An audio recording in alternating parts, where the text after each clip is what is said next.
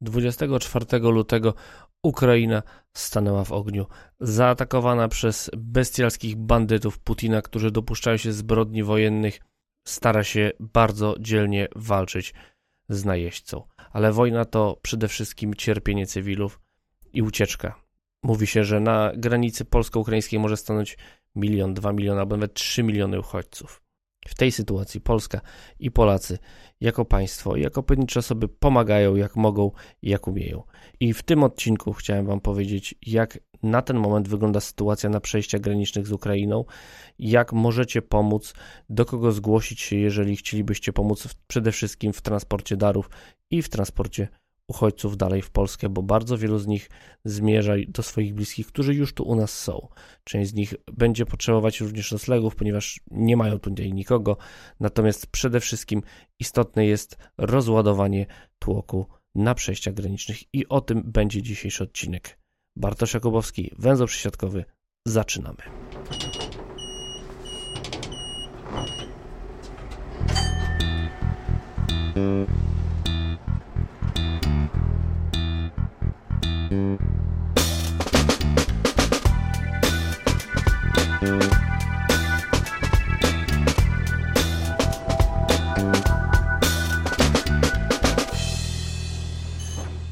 Jest ze mną Patryk Salamon, redaktor naczelny e, portalu lovekraków.pl. Witam cię bardzo serdecznie. Dzień dobry, witam serdecznie.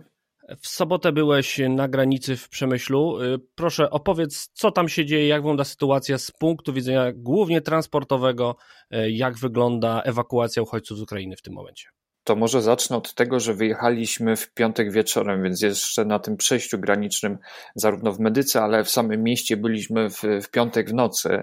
E, więc sama autostrada A4 z Krakowa do Przemyśla widać, że jest większy ruch niż zawsze w kierunku Przemyśla, ale też również duże potoki są z Przemyśla z Przemyśla e, A4, e, Przemyśla najpierw drogą krajową, a później A4 e, w stronę Krakowa, więc widać, że jest zmożony, zmożony na pewno ruch co się dzieje tak naprawdę w samym Przemyślu? E, dworzec, który jest zlokalizowany w centrum, w centrum miasta, jest mocno obstawiony policją, ponieważ e, grupy ludzi, którzy chcą pomagać, a za chwilę jeszcze do tego przejdziemy, parkują po prostu samochody i ulice główne w centrum Przemyśla, nawet w środku nocy, są totalnie zakorkowane. Więc e, policja, żeby zapewnić jakikolwiek ruch, głównie dla służb porządkowych, zdecydowała się na wyłączanie pewnych ulic, ograniczeń ograniczenie wjazdu i dostępu. E, tak naprawdę dla wszystkich pomagających, mówię tu o niezorganizowanych grupach, głównym punktem spotkań i parkingiem służy jeden parking przy Castoramie, to jest przy ulicy e, Lwowskiej oraz drugi parking przy dawnym Tesco, które zostało zlikwidowane, a do tego parkingu przy Tesco jeszcze pewnie będziemy wracać, bo to jest główny punkt, gdzie Straż Pożarna oraz policja swoimi autokarami zwozi, zwozi ludzi bezpośrednio z granicy w Medyce do centrum Przemyśla. Ale skupmy się może na tym wątku na razie kolejowym, jak to wygląda na samym dworcu PKP e, w Przemyślu, gdzie mamy punkt recepcyjny, został utworzony, gdzie ludzie wysiadający z pociągów mogą się tam od razu meldować, uzyskiwać niektóre dokumenty, ale też otrzymać pomoc, jak na przykład miejsce zakwaterowania. E, więc y, tu jesteśmy, jeżeli chodzi o rozkład jazdy ukraińskich pociągów, które przyjeżdżają z, głównie z Lwowa, bo to są główne kierunki z Lwowa już, bo tak naprawdę pociągi, które wcześniej jeździły z Kijowa czy z innych miejscowości na Ukrainie już nie jeżdżą bezpośrednio, tylko jeszcze ostatnie relacje są Lwów-Przemyśl. I tutaj mamy bardzo dziwną sytuację, ponieważ jeden pociąg, który składa na przykład, składa się na przykład z czterech, pięciu lub sześciu wagonów, potrafi przywieźć tylko 40 osób.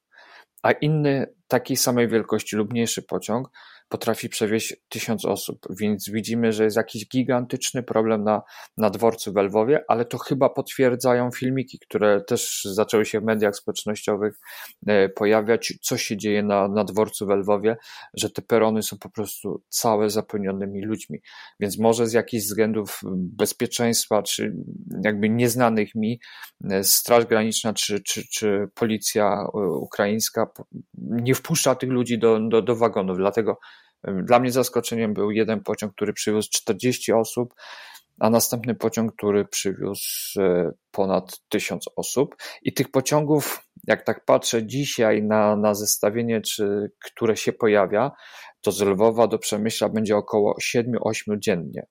Więc mieści się w niego około 1000 osób, więc samą drogą kolejową pewnie będzie przewożone w granicach do 10 tysięcy osób.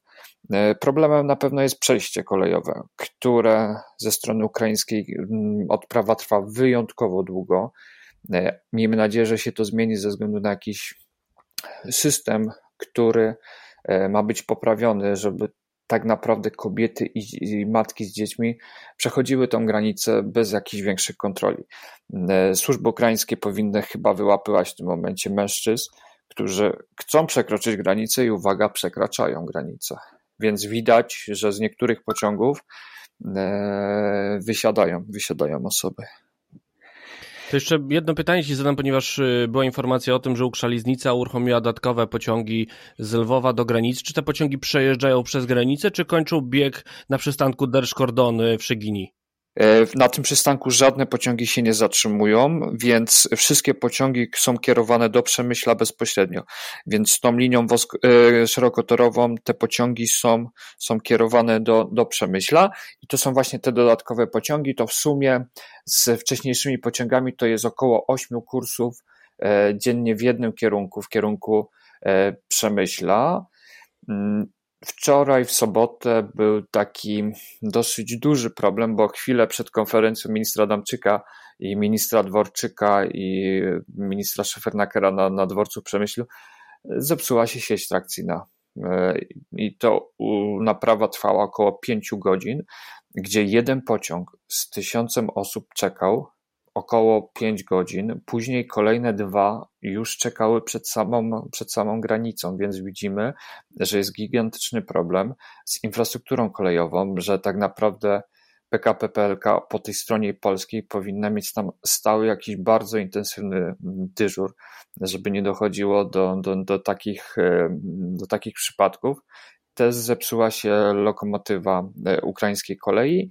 E, to komplikuje wyjątkowo sprawę, bo e, przez 6-7 godzin nie przyjeżdżają pociągi do Przemyśla, a w przeciągu godziny nagle pojawiają się trzy pociągi w sumie na 3000 osób, e, więc to się robi problematyczne i na pewno tutaj zarządca infrastruktury kolejowej jakby powinien bardzo zwrócić uwagę na ten odcinek, który jest jednotorowy i nie ma tam żadnej mijanki, więc jeżeli zepsuje się pociąg, to nie ma możliwości go ominąć, e, nie ma możliwości też ominąć jakichś awarii e, na trakcji. Wspominałeś o tym, że docierają uchodźcy pociągami, natomiast jak wygląda transport tych, którzy docierają pieszo do przejścia e, w Medyce? Wspominałeś, że jeździ Straż Pożarna. Jak wygląda dalej droga do Polski tych osób? Te osoby są kierowane na parking e, przy jednym dawnym hipermarketów e, i tam zazwyczaj e, wszyscy mają zapewniony transport przez znajomych lub rodziny, które zazwyczaj są na terytorium Polski. I do tej pory nie było z tym problemu i trzeba jakby właśnie odróżnić dwie, dwie strefy, dwie rzeczy tak naprawdę teraz mieliśmy uchodźców, którzy są w miarę dobrze zorganizowani, mają rodziny lub znajomych w Polsce, więc oni wiedzą do konkretnie, do którego miejsca jadą, e, mają też noclegi.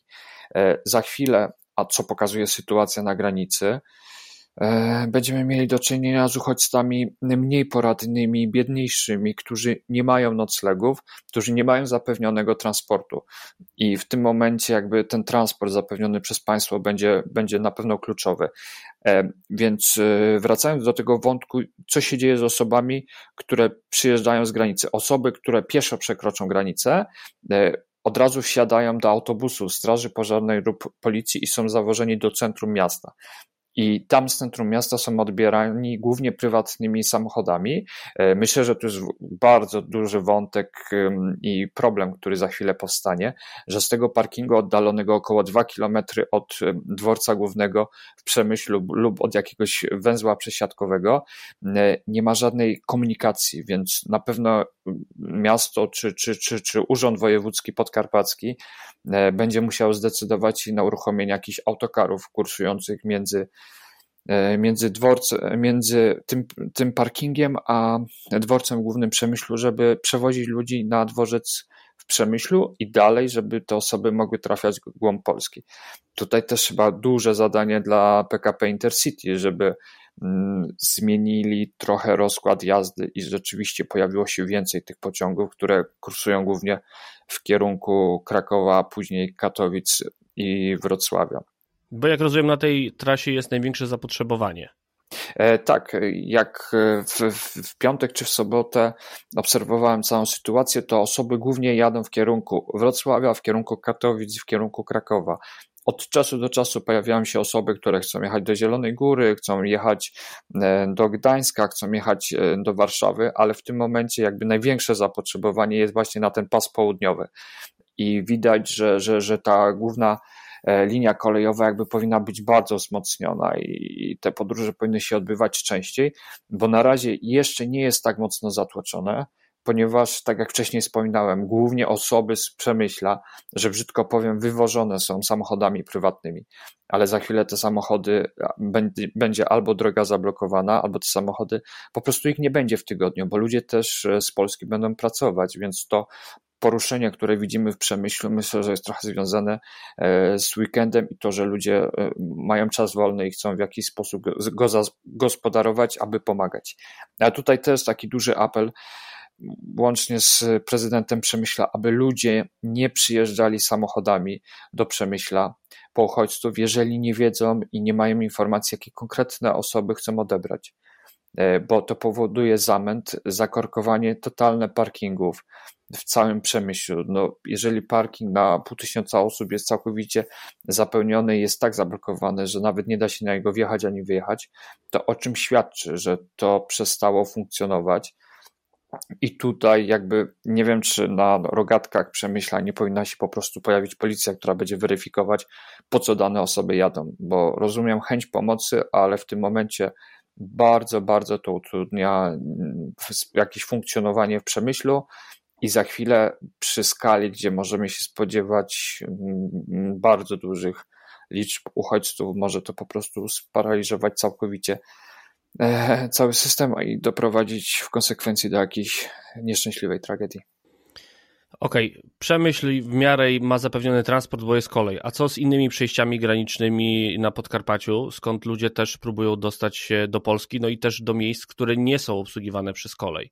E, czy masz jakąś wiedzę na ten temat, co na przykład z przejściem w Krościenku i z innymi przejściami granicznymi w tym e, Mam świeżą informację z, z Krościenka z niedzieli e, z rana, że mm, cytuję osobę, która jest wiarygodna i która jest tam na miejscu, że jest tragedia Największy problem jest, jak wiemy, że przejście w, w Krościenku jest mocno oddalone od zabudowań i od najbliższej jakiejś infrastruktury, czy, czy, czy no, infrastruktury, która działa i która by była w stanie mm, przewozić osoby, że tak naprawdę tam się sprawdzają te samochody prywatne, które robią za taksówki do jakichś węzłów przesiadkowych.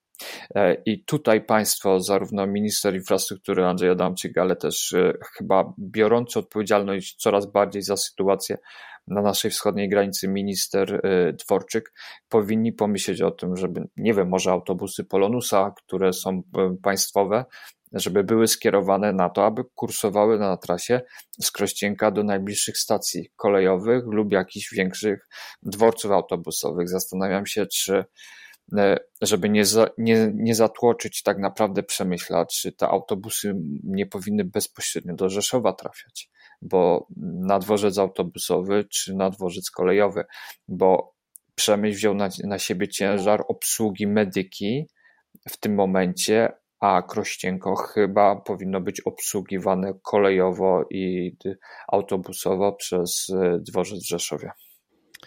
No cóż, na pewno sytuacja będzie się jeszcze zmieniać. To jest y, informacja z dziś i tak jak śledzę informacje, informacje te, które napływają z przejść granicznych, wciąż się zmieniają, ciągle są inne potrzeby. Natomiast to, co możemy powiedzieć, y, na pewno nie jedźcie do Przemyśla samochodem, jedźcie do Krościenka, tam jest potrzebna pomoc. Chyba tak możemy to podsumować na ten moment. Tak, tak, jak najbardziej. Jakby powinniśmy się skupić e, na tym, gdzie jest słaba dostępność transportowa i tutaj Krościenko wypada najsłabiej. E, też się obawiam, że obawiam się właśnie, że jeżeli tam samochody prywatne zaczną się pojawiać, to też dojdzie do paraliżu, bo wiemy, że tam jest dosyć, są dosyć wąskie drogi i, i, i, i może dojść do bardzo dziwnych sytuacji, więc lepiej, żeby tam odpowiedzialność takie wahadło policja czy straż pożarna utworzyli, próbowali przewozić osoby w jakieś miejsce, może w Łuszczykach Dolnych da się zorganizować jakiś parking, e, punkt przesiadkowy, gdzie e, policja i straż pożarna będą dowozić tego, te, te osoby, a tam może by autobusy jakiegoś przewoźnika e, byłyby w stanie przewozić dalej osoby. Myślę, że tutaj Rzeszów byłby najodpowiedniejszym kierunkiem i chyba w miarę jeszcze jest blisko, chociaż wiem, że to te odległości robią się, zaczynają się robić spore, ale jednak no musimy zrobić wszystko, aby nie zatkać przemyśla, który wziął na siebie ciężar. Przypuszczam, że w najbliższych dniach prawie milionowej, e, no milionowego tłumu osób, które będą się przewijać przez ten dworzec. Bardzo Ci dziękuję za tę opinię, za te relacje, e, za pomoc też, który portal Love Kraków organizuje dla Ukraińców. E, czy chciałbyś przekazać jeszcze jakieś informacje, jak można pomagać? Na pewno e, niech się ludzie sami nie organizują, czyli nie jeżdżą na przejścia graniczne, szczególnie do Przemyśla. Niech wpłacają na fundacje, które rzeczy, pieniądze na fundacje, które rzeczywiście wiedzą, jak mądrze pomagać. I wszystkie dary, które zbieramy w miastach, według mnie powinny pozostać w polskich miastach bo za chwilę, w przyszłym tygodniu naprawdę te rzeczy będą bardzo, ale to bardzo potrzebne, bo tutaj na sam koniec może opowiem o takiej krótkiej historii. Osoby, które dochodzą do przejścia granicznego e, w Szegini Medyka, tak naprawdę mają ze sobą tylko plecak, ponieważ walizki wcześniej musieli wyrzucić, bo jeżeli idą 40 kilometrów, jak to jest sytuacja na dzisiaj, na niedzielę rano, to pokazuje, że y, wszystkie, cały ciężar wyrzucają, ponieważ mm, no, no, no muszą zrobić, więc za chwilę my będziemy mieli e, problem w miastach, bo musimy zapewnić odzież, musimy zapewnić środki higieniczne i wszystkie inne rzeczy potrzebne im do codziennego funkcjonowania. Więc ja nie wiem, czy wywożenie w tym momencie takiej liczby darów, jakie się na przykład pojawiły w Krakowie, do Lwowa jest najlepszym rozwiązaniem, bo wiemy, że te ciężarówki w tym momencie utkną na granicy, więc zostawmy chociaż dużą część tych rzeczy w miastach, bo to na siebie miasta, szczególnie z tego pasa południowego, wezmą na, za chwilę ciężar odpowiedzialności za bardzo duże liczby uchodźców. Jasne. Bardzo Ci dziękuję. Patryk Salamon, portal lovekraków.pl. Dziękuję serdecznie. Jeżeli rozmawiamy o pomocy, w szczególności pomocy transportowej, to warto zauważyć, że polscy przewoźnicy, organizatorzy, również sprzedawcy biletów szybko stanęli na wysokości zadania. Zaczęło się od Koleo, które jako pierwsze zaczęło oferować bezpłatne bilety dla mieszkańców Ukrainy, dla obywateli Ukrainy, a chwilę później fala że tak powiem, dobra rozlała się na wszystkich przewoźników i w tym momencie już wszyscy przewoźnicy kolejowi w Polsce oferują bezpłatne przejazdy dla obywateli Ukrainy. Bezpłatne przejazdy zaoferowały również czeskie koleje, które dość szybko uruchomiły dwa pociągi z transportem humanitarnym do Przemyśla, a z powrotem do Bochumina już wrócili nimi uchodźcy. Sporo dodatkowych pociągów uruchomiła także Ukrzaliznica w porozumieniu z PKP Intercity, które dojeżdżają, tak jak słyszeliście, do Przemyśla, również do Hełma i w momencie, kiedy wypuszczam ten odcinek, pociąg powinien dojeżdżać właśnie również do Olkusza po linii hutniczej szerokotorowej. Jeżeli chodzi o połączenia autobusowe, to niewątpliwie poza zorganizowanymi przez wojewodów y, połączeniami czysto y, regionalnymi, w zasadzie lokalnymi z punktów y, tych recepcyjnych na granicę i z powrotem, to połączenia uruchomił także Flixbus. Oto kilka słów od Michała Lemana z Flixbusa. Dla obywateli Ukrainy Flixbus przygotował darmowe przejazdy z Przemyśla i Rzeszowa do wszystkich miast w Polsce i Europie w naszej siatce połączeń. Aby skorzystać z takiego darmowego przejazdu wystarczy wysłać e-mail na adres serwis małpa flixbus.com.ua z tytułem Ukraine lub Ukraina, wskazać miejsce odjazdu Przemyśl lub Rzeszów oraz miejsce docelowe wraz z preferowaną godziną odjazdu. Można ją sprawdzić na naszej stronie internetowej. Ponadto potrzebne jest imię i nazwisko osoby podróżującej, numer telefonu i koniecznie adres e-mail, na który odeślemy gotową rezerwację. Można też uzyskać taki bilet od asystenta, który znajduje się na stacji Przemyśl na dworcu codziennie w godzinach od, 7, od 9 do 17 i również u niego można uzyskać taki bilet i rezerwację. Z Przemyśla uruchomiliśmy dodatkowe autobusy. Można pojechać w Polsce do Krakowa, Wrocławia, Łodzi, Częstochowy, Warszawy bezpośrednio. Można też pojechać bezpośrednio aż do Amsterdamu, Alborga, i Bremy uwzględniając tym na trasie wszystkie główne miasta niemieckie. Ponadto z jedną przesiadką w Krakowie, Wrocławiu, Berlinie można właściwie przejechać po całej Europie. Na większości z tych dworców mamy swój personel asystencki i jesteśmy w stanie pomóc w bezproblemowej przesiadce. Także pasażerowie przekraczający granice mają bardzo duże możliwości podróży dalej po Polsce i Europie i co najważniejsze mogą to zrobić za darmo, e, korzystając z tej E, oferty, którą przygotowaliśmy.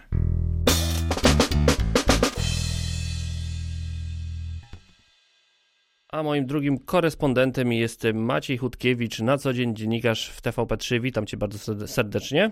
Cześć, dobrze cię słyszeć. Ciebie również. E, powiedz mi, e, spędziłeś kilkanaście godzin w drodze na granicę i z powrotem. Jak wygląda sytuacja, jeżeli chodzi o transport uchodźców z Ukrainy? W zasadzie e, w drodze tam i z powrotem to spędziłem łącznie jakieś 7 godzin. Myślę, że około 10-12 godzin to spędziłem na miejscu pod samą granicą, bo dojazd jest bezproblemowy. To znaczy dojazd od naszej strony jest ok, nie ma korków, ruch jest spory, ale e, jednak jest w miarę opanowany i policja stoi też po drodze w bardzo wielu miejscach i jakby coś się działo, to oni tam są na miejscu i kierują. Natomiast problem jest rzeczywiście pod samą granicą. Tam jest ogromny ruch. Ja byłem akurat w Chrebennem, Mm, i w Lubyczy Królewskiej, to jest kilka kilometrów przed granicą od naszej strony, gdzie zorganizowany jest ten taki punkt recepcyjny dla uchodźców, w którym oni się mogą rejestrować. Tam jest spory chaos, który wynika z tego, że jest bardzo dużo chętnych do pomocy, bardzo dużo Ukraińców czekających na swoje rodziny i bardzo powoli e, sączy się trochę jak kroplówka mm, przez taką bardzo wąską dziurkę liczba Ukraińców, którzy dostają się do Polski. To chyba wynika z tego, że e, służby ukraińskie albo sobie nie radzą, albo nie wiem, celowo, trudno powiedzieć dokładnie z jakiego powodu, bardzo powoli puszczają ludzi na naszą stronę i tam to wszystko bardzo długo trwa. Jeżeli chodzi o sam transport, no to oczywiście on jest w dużej mierze, to co ja widziałem przynajmniej, e, jest transportem kołowym. Ukraińcy się dostają na samochodami swoimi, rodziny po nich przyjeżdżają. Widziałem samochody na absolutnie przedziwnych tablicach rejestracyjnych. Już nie mówię, że oczywiście Polacy i Ukraińcy przyjeżdżali po swoich, ale były samochody z Norwegii na przykład, yy, były samochody z Holandii, yy, byli Czesi na przykład, którzy przyjeżdżali pod naszą granicę, żeby zabrać Ukraińców, więc pół Europy się tutaj zjeżdża, żeby tych ludzi ratować w jakiś sposób. Chciałem u Ciebie potwierdzić albo zdementować informację, gdyż zasadniczo polscy pogranicznicy przyjęli zasadę, że wszystkie przejścia są przejściami pieszymi, Natomiast słyszałem taką informację i tu proszę cię o, o jakby być może sprostowanie albo potwierdzenie, że w Chrebennem niestety po stronie ukraińskiej nie są przepuszczani y, uchodźcy pieszo, tylko muszą znaleźć sobie kogoś, kto ich przewiezie samochodem. Czy to jest prawda? To nie do końca tak jest. Rzeczywiście wszystkie przejścia zostały z naszej strony otwarte. Jeżeli chodzi o przejścia piesze, to y, nasi pogranicznicy czy celnicy nie robią sobie żadnego problemu i każdy może przejść. Był taki moment, kiedy Ukraińcy robili problem i rzeczywiście y, pojawiły się takie informacje, że trzeba było wsiąść do jakiegoś samochodu, ale tego problemu już nie ma. To znaczy z tego, co do mnie docierało, z tego, co widziałem, to było tak, że jednak granicę można przekroczyć pieszo, natomiast szło to po prostu bardzo wolno Mm, I to też jest tak, że do samej granicy nie można podjechać samochodem takim zwykłym osobowym. Ani my tego nie mogliśmy zrobić, ani nie mogli tego zrobić, y, no nie wiem, ludzie czekający na swoją rodzinę na przykład, bo mm, policja po prostu nie dopuszcza. Tam jest tak, że kilkaset metrów przed y, samym przejściem granicznym stoją radiowozy na środku drogi na bombach i każdego, kto podjedzie, pytają po co jedzie, dlaczego, trzeba już pokazać paszport. No i w zasadzie jak ktoś tak jedzie po prostu, albo nawet tak jak my, z jakimiś darami, czy żeby komuś pomóc, to nie ma opcji, żeby przepuścić. Więc o ile ja wiem, ten ruch pieszy się odbywał, natomiast on po prostu szedł bardzo wolno, a wcześniej rzeczywiście były z tym problemy. Okej, okay, to co możemy przekazać tym, którzy chcieliby w jakiś sposób pomagać? No kończy się weekend, więc y, można się spodziewać, że ta y, siła, jaka będzie w stanie pomóc, ta wielkość, że tak powiem, e, siły i środków będzie mniejsza, no bo jednak od jutra spora część z nas wraca po prostu do pracy. Natomiast jeżeli ktoś dysponuje y, samochodem i wolnym czasem, co możemy mu poradzić, jeżeli chciałby pomóc w tej części Polski? Mówimy tu o przejściu w Chrebendem. Y, pamiętajmy po pierwsze, że jest zapewniona pomoc ze strony wojewodów, to znaczy wojewodowie przygotowali takie rozwiązania, że poprosili samorządy o to, żeby one przygotowały miejsca noclegowe dla uchodźców. W dużej mierze to nie są specjalnie komfortowe miejsca. Ja na takie miejsce właśnie dzisiaj na przykład odwiozłem ludzi z Ukrainy. To jest sala gimnastyczna w Otwocku, więc no, jakby nie ma tam komfortu spania. Natomiast są łóżka polowe, są prysznice, są, jest herbata i tak dalej. Y, to jest pewnie takie miejsce na 2-3 dni. I później, y, i to jest informacja numer jeden, co każdy z nas może zrobić, może zgłosić się do takiego punktu w swoim mieście, w swoim powiecie, w swojej gminie i zapytać, czy takie osoby można wziąć do siebie, czy można zapewnić im nocleg, czy można znaleźć im pracę, czy można pomóc w tym, żeby dzieci mogły pójść do szkoły i na przykład nauczyć się polskiego, czy może potrzebują czegoś, żeby im kupić. I to jest taka pomoc bardzo realna, którą możemy zrobić na miejscu, to po pierwsze. Po drugie, pamiętajmy też, że nawet jeżeli my nie zapewnimy tego transportu, to będą za niego odpowiadali mm, strażacy. E, z tego, co rozmawiałem z wojewodą mazowieckim, to sytuacja wygląda tak, że to Straż Pożarna jest odpowiedzialna za to, żeby przywozić ludzi do określonych miejsc, więc kiedy skończy się takie to trochę weekendowe pospolite ruszenie, e, tę rolę to weźmie swoją e, Straż Pożarna, która będzie to ogarniała w sposób pewnie trochę bardziej mm, zorganizowany. Natomiast też myślę, że to nie jest sprint, tylko to jest maraton, to pewnie do tego się zgodzimy, więc sytuacja wygląda tak, że teraz rzeczywiście było duże wzmożenie ze strony naszych rodaków. Przywozili dużą pomoc na, na granicę, a potem się okazywało, że często ta pomoc jest trochę no, niepotrzebna nawet, że nie było tylu osób, osób którym można byłoby pomóc. Więc y, wracając do Twojego pytania, ja proponuję zrobić tak. Jest uruchomionych 9 punktów recepcyjnych w całej Polsce, w województwach lubelskim i podkarpackim, czyli 8 przy przejściach tych zwykłych i jedno przy nadworcu w Przemyślu, można do tych punktów zadzwonić i można zadzwonić i zapytać, czy jest jakaś pomoc aktualnie potrzebna, tuż zanim wyjedziemy i dowiedzieć się, czy potrzebują czegoś, na przykład leków przeciwbólowych, nie wiem, plastrów, chusteczek mokrych, pampersów, czy jakichś innych pieruszek, podpasek, koców może, może czegoś do jedzenia i tak dalej. Mm, I można też zapytać o aktualną sytuację, jeżeli chodzi o uchodźców. Czy są ludzie, którzy potrzebują podwózki? Z tym, że ta sytuacja zmienia się z minuty na minutę i trzeba być świadomym, że jeżeli tam się przyjedzie, to może być tak, że po prostu od razu ktoś się znajdzie, wsiądziemy w samochód i wrócimy i zawieziemy kogoś. Może być tak, jak w naszej sytuacji, kiedy to będzie wieczór, ludzie będą chcieli odpocząć, nawet ci, którzy przyjadą, czy przyjdą na piechotę i będzie tak, że no, na przykład będą chcieli poczekać, może nawet do rana, może parę godzin. Musimy być też świadomi, że to może trochę zająć, po prostu zanim znajdziemy kogoś, komu będziemy mogli pomóc. Y, ważna uwaga jest taka, to nie są ludzie, którzy rzucają się nam na szyję, krzycząc bohaterze, dziękuję, że mnie podwozisz. To są ludzie z traumami, zmęczeni, y, bardzo zdenerwowani, nieufni i trzeba mieć tego świadomość, że to jest taka pomoc, która oczywiście bardzo im się należy, ale nie należy się z drugiej strony za to spodziewać jakiegoś wielkiego och i ach, bo oni na to nie mają siły. Myślę, że przede wszystkim się nie narzucać że chciałem Cię prosić o jeden, o jeden komentarz albo jedną wypowiedź, ponieważ pojawiały się jakieś wypowiedzi, że obywatele państw innych niż Ukraina nie są przepuszczani na polską stronę. E, czy możesz coś e, skomentować w tym temacie? Mogę to zdementować. E, mogę to zdementować, bo widziałem, znaczy oczywiście może inaczej, nie sprawdzałem paszportów, ani nie pytałem się o narodowość ludzi, których widziałem.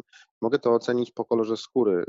I nie chciałbym tutaj być rasistą oczywiście, natomiast no, mogę poznać, czy ktoś jest rodowitym Ukraińcem, czy nie, tak samo jak pewnie można poznać to po Polakach. I oczywiście były tam osoby ciemnoskóre, Natomiast y, była to raczej garstka w porównaniu z tym, y, ile osób y, przebywało przez granicę, przechodziło. Natomiast na pewno nie jest tak, że te osoby nie mogły się dostać. Widziałem afgańską rodzinę, która liczyła około 10 osób. Był ojciec z żoną i chyba ośmioro dzieci razem z nimi. Mm, był czarnoskóry mąż Ukrainki, który przeszedł. Była bodaj dwójka Afgańczyków, którą widziałem. E, młodych chłopaków, e, takich nawet powiedziałbym w wieku poborowym, więc na pewno nie byli mm, Ukraińcami i jeszcze parę osób gdzieś tam się pojawiało, e, więc na pewno oni są i na pewno nie jest tak, że nie są przepuszczani przez granicę. To na 100% tak nie jest. Jasne. Bardzo dziękuję Ci za te relacje. Maciej Chudkiewicz był wczoraj w Chrebennem i pomagał, tak jak wszyscy moi dzisiejsi korespondenci. Bardzo Ci dziękuję. Dziękuję Ci bardzo, Bartku. Do usłyszenia. Przesuwamy się na północ. Jesteśmy wciąż przy ukraińskiej granicy. Moim kolejnym rozmówcą jest Adam Piotr Zając, który na co dzień pracuje w warszawskim ZDM-ie, a wczoraj również był na granicy. Witam Cię bardzo serdecznie. Cześć. Powiedz mi, gdzie byłeś, jak wygląda sytuacja? E, byłem wczoraj, czyli w niedzielę, na granicy najbliżej Warszawy, czyli najbardziej północne przejścia z Ukrainą. Przejście w Dorochusku przy drodze krajowej numer 12 oraz przejście w Zosinie przy drodze krajowej numer 74. Odwiedziłem dwa punkty recepcyjne, które są dedykowane dla tych przejść. Poruszałem się własnym samochodem razem z pewnymi darami, które udało się zebrać wśród znajomych w tym krótkim czasie. I jak wygląda sytuacja, jeżeli chodzi o osoby przybywające z tych przejść? Bo w tym momencie, kiedy rozmawiamy, już wiem, wiadomo o tym, że w końcu przejechały pociągi przez przejście e, w Dorochusku aż do Hełma, natomiast w momencie, kiedy tam byłeś, jeszcze tych pociągów nie było, więc w jaki sposób e, uchodźcy docierali do nas, jak to się odbywało? Tak jest. My czekaliśmy na sygnał od rodziny, które niestety okazało się, że będzie trochę później niż mogliśmy, a równolegle dostaliśmy duże bardzo wsparcie od znajomych, za które serdecznie dziękujemy i mogliśmy przygotować taką paczkę. Więc stwierdziliśmy, że patrząc na to, ile osób chce dostać się do Polski, to chcemy ją dowieść jak najszybciej. Wydaje mi się, że niedziela jest specyficznym dniem. Wczoraj była ładna pogoda, także naprawdę zachęcała też do podróży i wiele osób się zdecydowało na to, aby w te rejony pojechać. Takim najistotniejszym chyba punktem są tak zwane punkty recepcyjne, które w tej chwili jest jeden dla każdego przejścia granicznego. Poza tym są punkty nazywane recepcyjnymi także dalej na terenie Polski. I one znajdują się tak naprawdę w przypadku tych dwóch przejść, czyli przejścia w Zosinie i przejścia w do Rochusku znajdują się, używam polskich, e, polskich nazw, byłem tam po raz pierwszy tak naprawdę, więc też nie jestem jakim, jakimś ekspertem. E, one znajdują się e, przy w pewnym oddaleniu, kilka dosłownie kilometrów, powinny tam trafić osoby przez transport, który zapewnia, wydaje mi się, że przede wszystkim OSP, Natomiast y, można przyjechać do tych punktów i po pierwsze zostawić te rzeczy, które y, chce się, aby tam trafiły, a po drugie można y, spróbować kogoś odebrać. I tutaj wracając do tej pogody, o której mówiłem, ludzi było naprawdę sporo. Rozmawiałem z jednym ze strażaków w punkcie recepcyjnym dla przejścia w Zosinie, które jest zlokalizowane kawałeczek dosłownie dalej w miejscowości Chorodło. No i podjeżdżając pod ten punkt, okazało się, że akurat w tym momencie, czyli około godziny 13-14, e, nie było właściwie osób, które byłyby niezaopiekowane. Systematycznie docierały kolejne osoby z granicy. Nie jest to taki duży potok jak w przypadku medyki, z tego co widziałem e, w telewizji.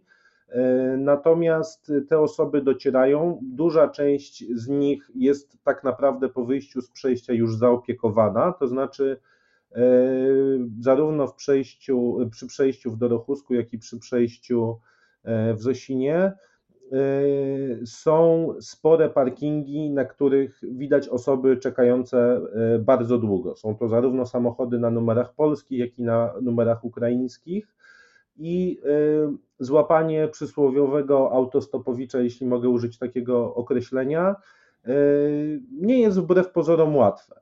Natomiast y, na pewno niedziela była dniem, w których w tych punktach, o których słyszałem, naprawdę widać było pospolite ruszenie i bardzo dużą liczbę Polaków docierających z paczkami pomocowymi i także chcących pomóc y, y, podwiezieniem w określone miejsce. I teraz w momencie, kiedy rozmawiamy, moja pierwsza y, tak naprawdę myśl, jak wracałem jeszcze była taka, że jeśli chodzi o tą powiedzmy funkcję taksówek, to jest więcej chętnych do podwożenia niż osób, które takiej pomocy oczekują. Natomiast mój kolega był kilka godzin później na przejściu w Zosinie i bez problemu znalazł osoby, które poprosiły go o pomoc w transporcie w okolice Grójca. No i skończyło się to w ten sposób, ze względu właśnie na małą liczbę chętnych e, na świadczenie tych usług taksji, jak ja to sobie nazywam, że przewozi pięć osób w samochodzie mm, przystosowanym do przewożenia pięciu osób, no ale on jest szósty jako kierowca, tak?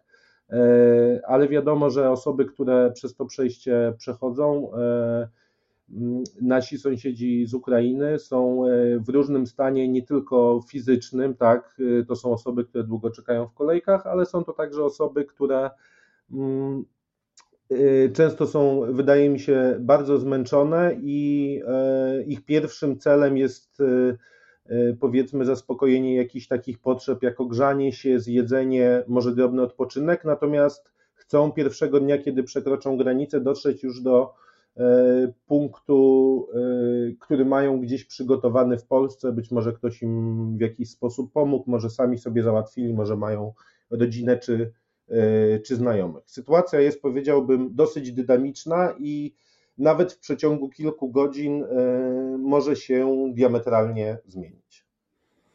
E, powiedz, czy kontaktowałeś się w, z punktem recepcyjnym, e, czy jest tam coś potrzebne, jak oni oceniają sytuację, jeżeli chodzi o zapotrzebowanie na pomoc?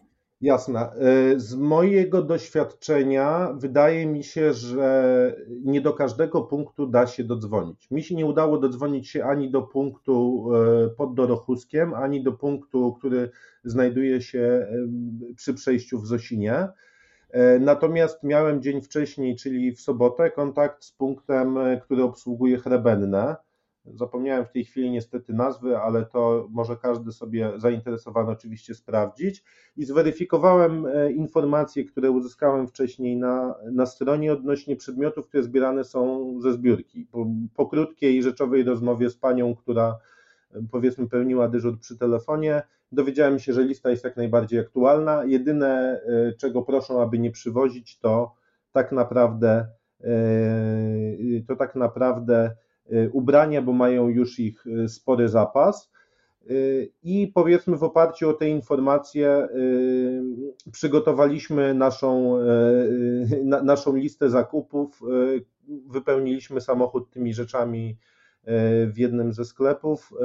No i pojechaliśmy. Także zachęcam, jeśli jest możliwość, aby spróbować się skontaktować z punktem recepcyjnym, ale uprzedzam, że na przykład w przypadku Chorodla jest to telefon do biblioteki e, publicznej. Być może poza weekendem będzie łatwiej o ten kontakt. Nam nie udało się go nawiązać.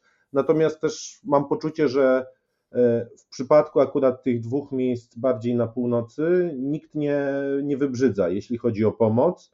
Wręcz byłem zdziwiony e, niektórymi rzeczami, które tam się znalazły. Poza takimi standardowymi rzeczami, często wymienianymi jak e, środki higieniczne, ubrania, przepraszam, ubrania oczywiście były, natomiast tak jak powiedziałem, wydaje mi się, że w tej chwili ta potrzeba jest zaspokojona. Często pojawia się także jedzenie, natomiast musi być to jedzenie z długim terminem ważności.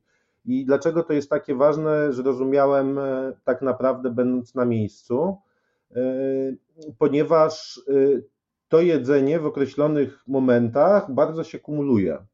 Zdarzają się również różne inicjatywy lokalne, których trudno zastąpić, świadcząc tą pomoc ze środka Polski. Takim przykładem była informacja o tym, że lokalna piekarnia zapewnia e, dzisiaj 100 e, bułek, na przykład dla tego punktu. Tak? Nie ma sensu wozić e, pieczywa, które za dwa dni będzie nieświeże, przez pół kraju. Zwłaszcza bez zweryfikowania wcześniej informacji, czy takie pieczywo jest oczekiwane, potrzebne. Widziałem na miejscu także pana, który przywiózł kilka kilo kiełbasy. Także to też jest taki produkt, który mm, jest na miejscu, może tym ludziom, e, nazwijmy to, e, może być jak najbardziej przydatny, natomiast e, jest cały szereg rzeczy, które nawet jeśli będą w tym punkcie zmagazynowane, można je bardzo łatwo dostarczyć do ludzi, czy to tych, którzy oczekują w kolejce po drugiej stronie granicy, bo takie też są podejmowane e, inicjatywy, czyli jeśli się gdzieś tam nazwijmy to przepełnia, to część z tego jedzenia, zwłaszcza tak zwane jedzenie energetyczne jest po prostu rozdysponowywane po ukraińskiej stronie, czy też może być częścią jakiegoś transportu, który zostanie mm, przekazany, e, no powiedzmy już w ramach bardziej zorganizowanych e, form takiej pomocy. Y, jasne. Z tego, co jeszcze też ja zdążyłem zauważyć, faktycznie część punktów recepcyjnych nie posiada kontaktu telefonicznego, więc y, zdecydowanie co y, to jest, tak jak wspomniałeś, mniejsze punkty, te większe mają lepszą obsługę. Czy coś jeszcze możemy doradzić osobom, które udają się w stronę granicy i chcą pomóc? Myślę, że warto mieć plany na to, jak pomóc. To znaczy, ja dałbym takie rady może się okazać, że nie zrealizujecie 100% swojego planu. W naszym przypadku była to chęć podwiezienia kogoś. Po prostu nie było w tym momencie, momencie takiej szansy. E, moglibyśmy oczywiście czekać, ale też mieliśmy inne zobowiązania i musieliśmy już wracać e, w kierunku Warszawy. E, druga rzecz jest taka, że warto mieć przygotowaną kartkę o tym się powszechnie dosyć mówi. Z kierunkiem, przez który się jedzie, wraz z ewentualnymi dużymi miastami po drodze. Przykładowo dla drogi z Zosina do Warszawy może być to Zamość Lublin. Ważne, żeby te, te, te nazwy były podane w języku ukraińskim. Tak? Można wykorzystać Google Translate E, i bez problemu, albo poprosić kogoś o pomoc, bez problemu taką informację można uzyskać. E, co napisać na tej kartce? Może być to kartka wsadzona za szybą. E, warto też, wydaje mi się, nawiązać bezpośredni kontakt z przedstawicielami służb mundurowych, których są na miejscach. Pod punktami recepcyjnymi stoją z reguły strażacy, bardzo często są policjanci, zdarzają się też ratownicy medyczni. Należy po prostu zapytać osób dobrze poinformowanych, które są na miejscu, niekoniecznie wolontariuszy, którzy są bardzo zmęczeni i zajmują się głównie, mm, nazwijmy to, drobną logistyką.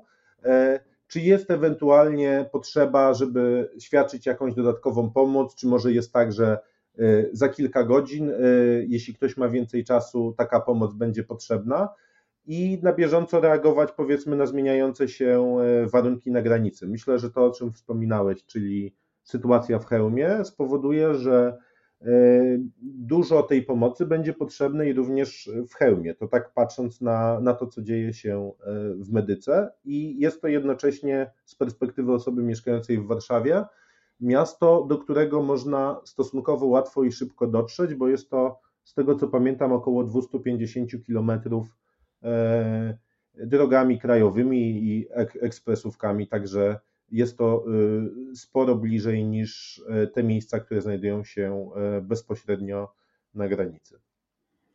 Bardzo dziękuję Ci za tą relację. Adam Piotr Zając prosto z granicy ukraińskiej w Dorochusku i Zosinie. Dziękuję.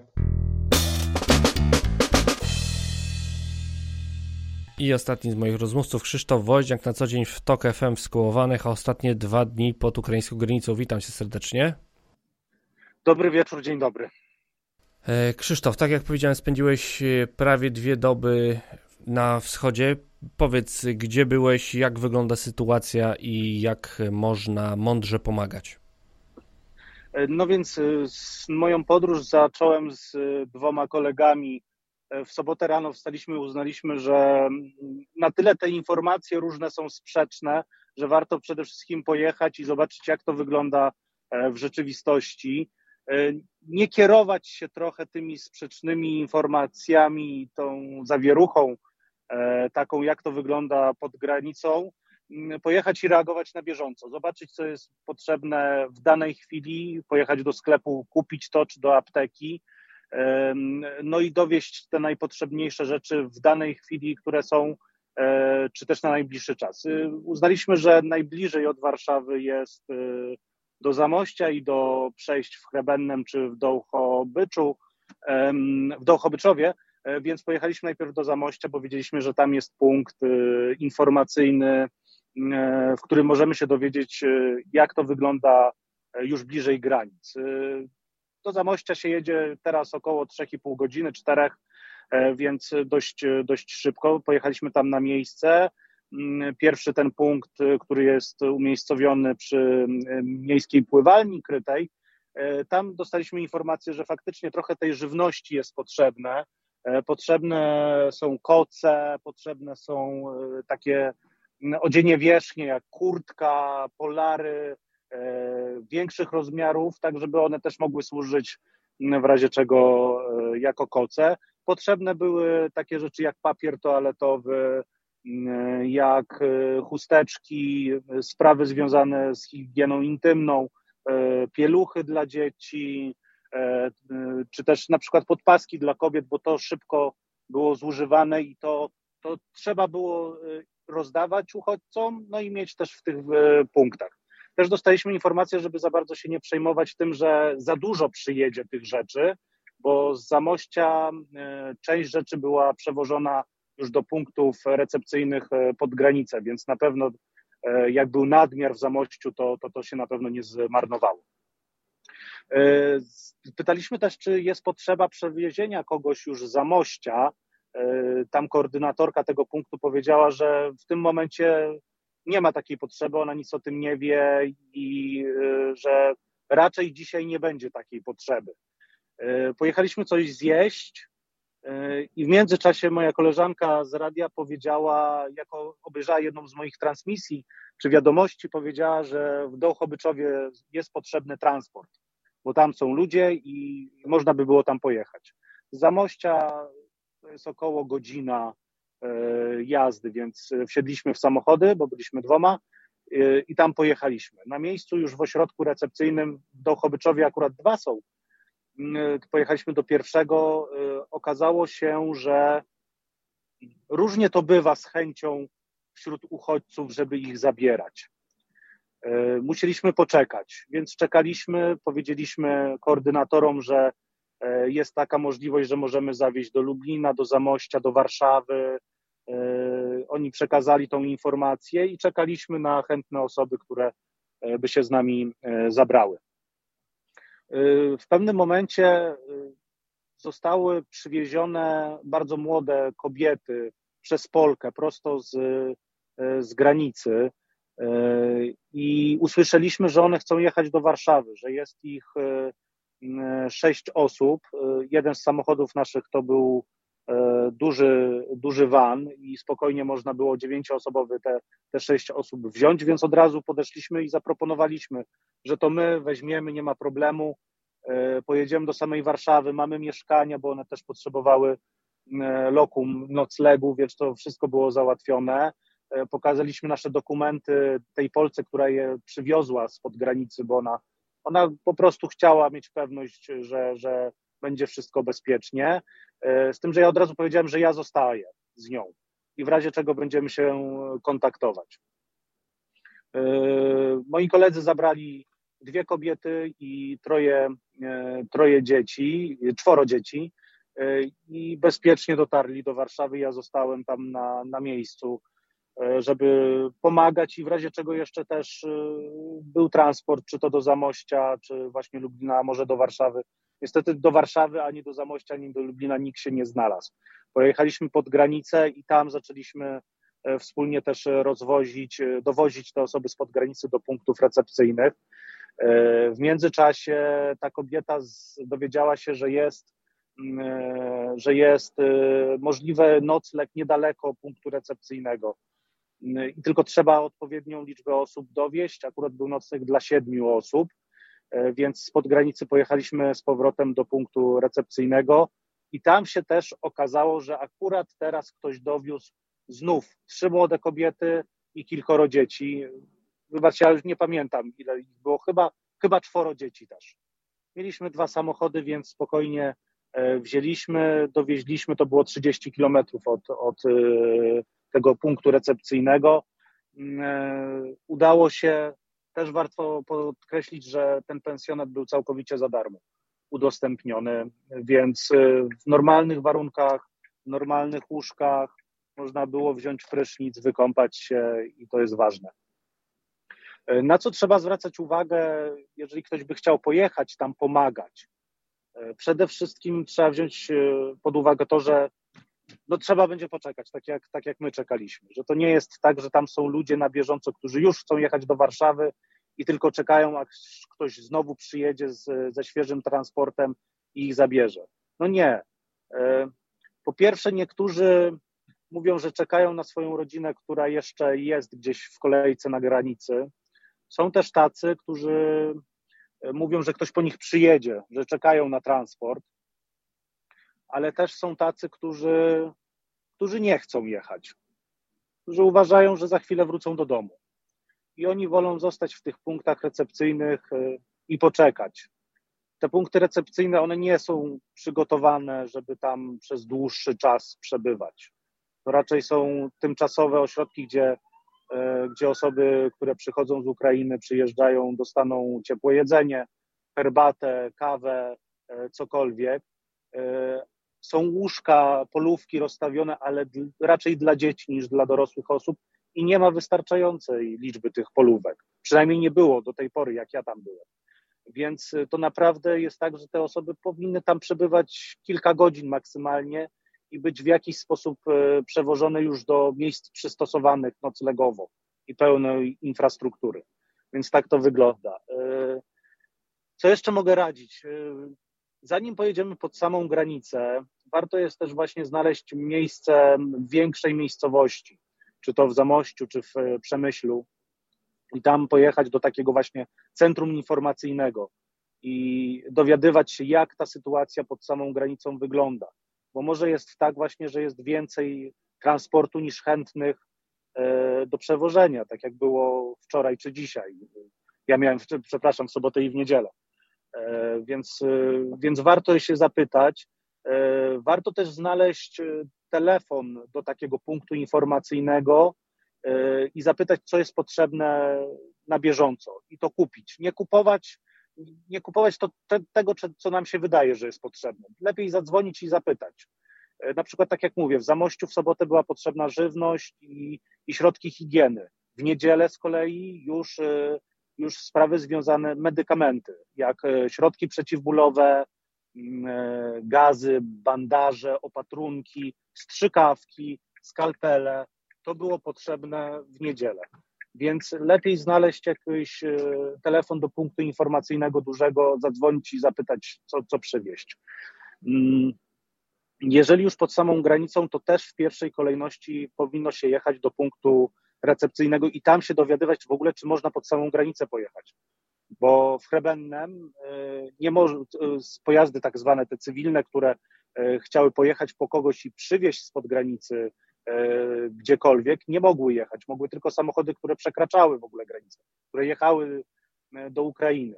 E, ten transport odbywał się przez pojazdami Straży Pożarnej, policji czy też Straży Granicznej do, z granicy, dokładnie z granicy z, do punktu recepcyjnego. Więc, więc przede wszystkim jeździć do punktów informacyjnych i się dowiadywać, jak wygląda bieżąca sytuacja, a dopiero później działać.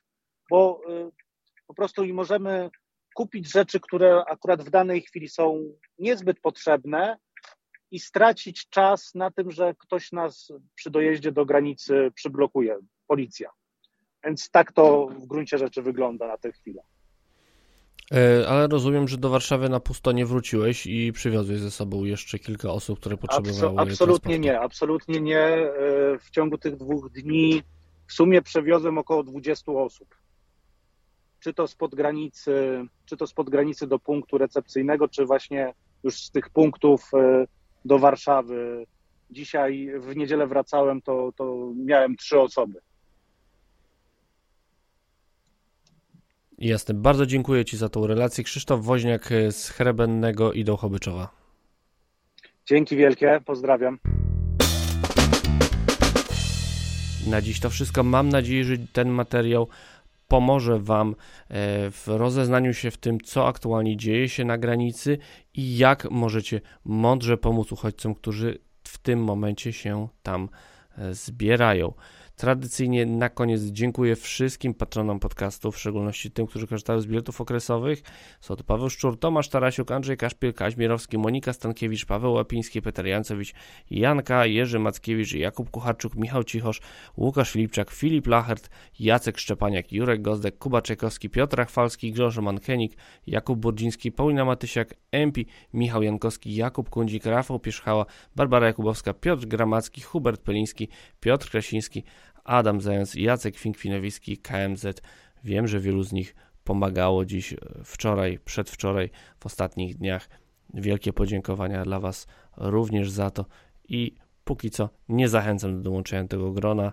Oczywiście do, zachęcam do dołączenia do grona pomagających na granicy. Jeżeli nie możecie pojechać tam własnym samochodem, nic straconego możecie pomóc wpłacając na organizacje, które z pewnością zrobią z Waszych pieniędzy dobry użytek. Linki oczywiście w opisie odcinka. Na dziś to wszystko. Do usłyszenia.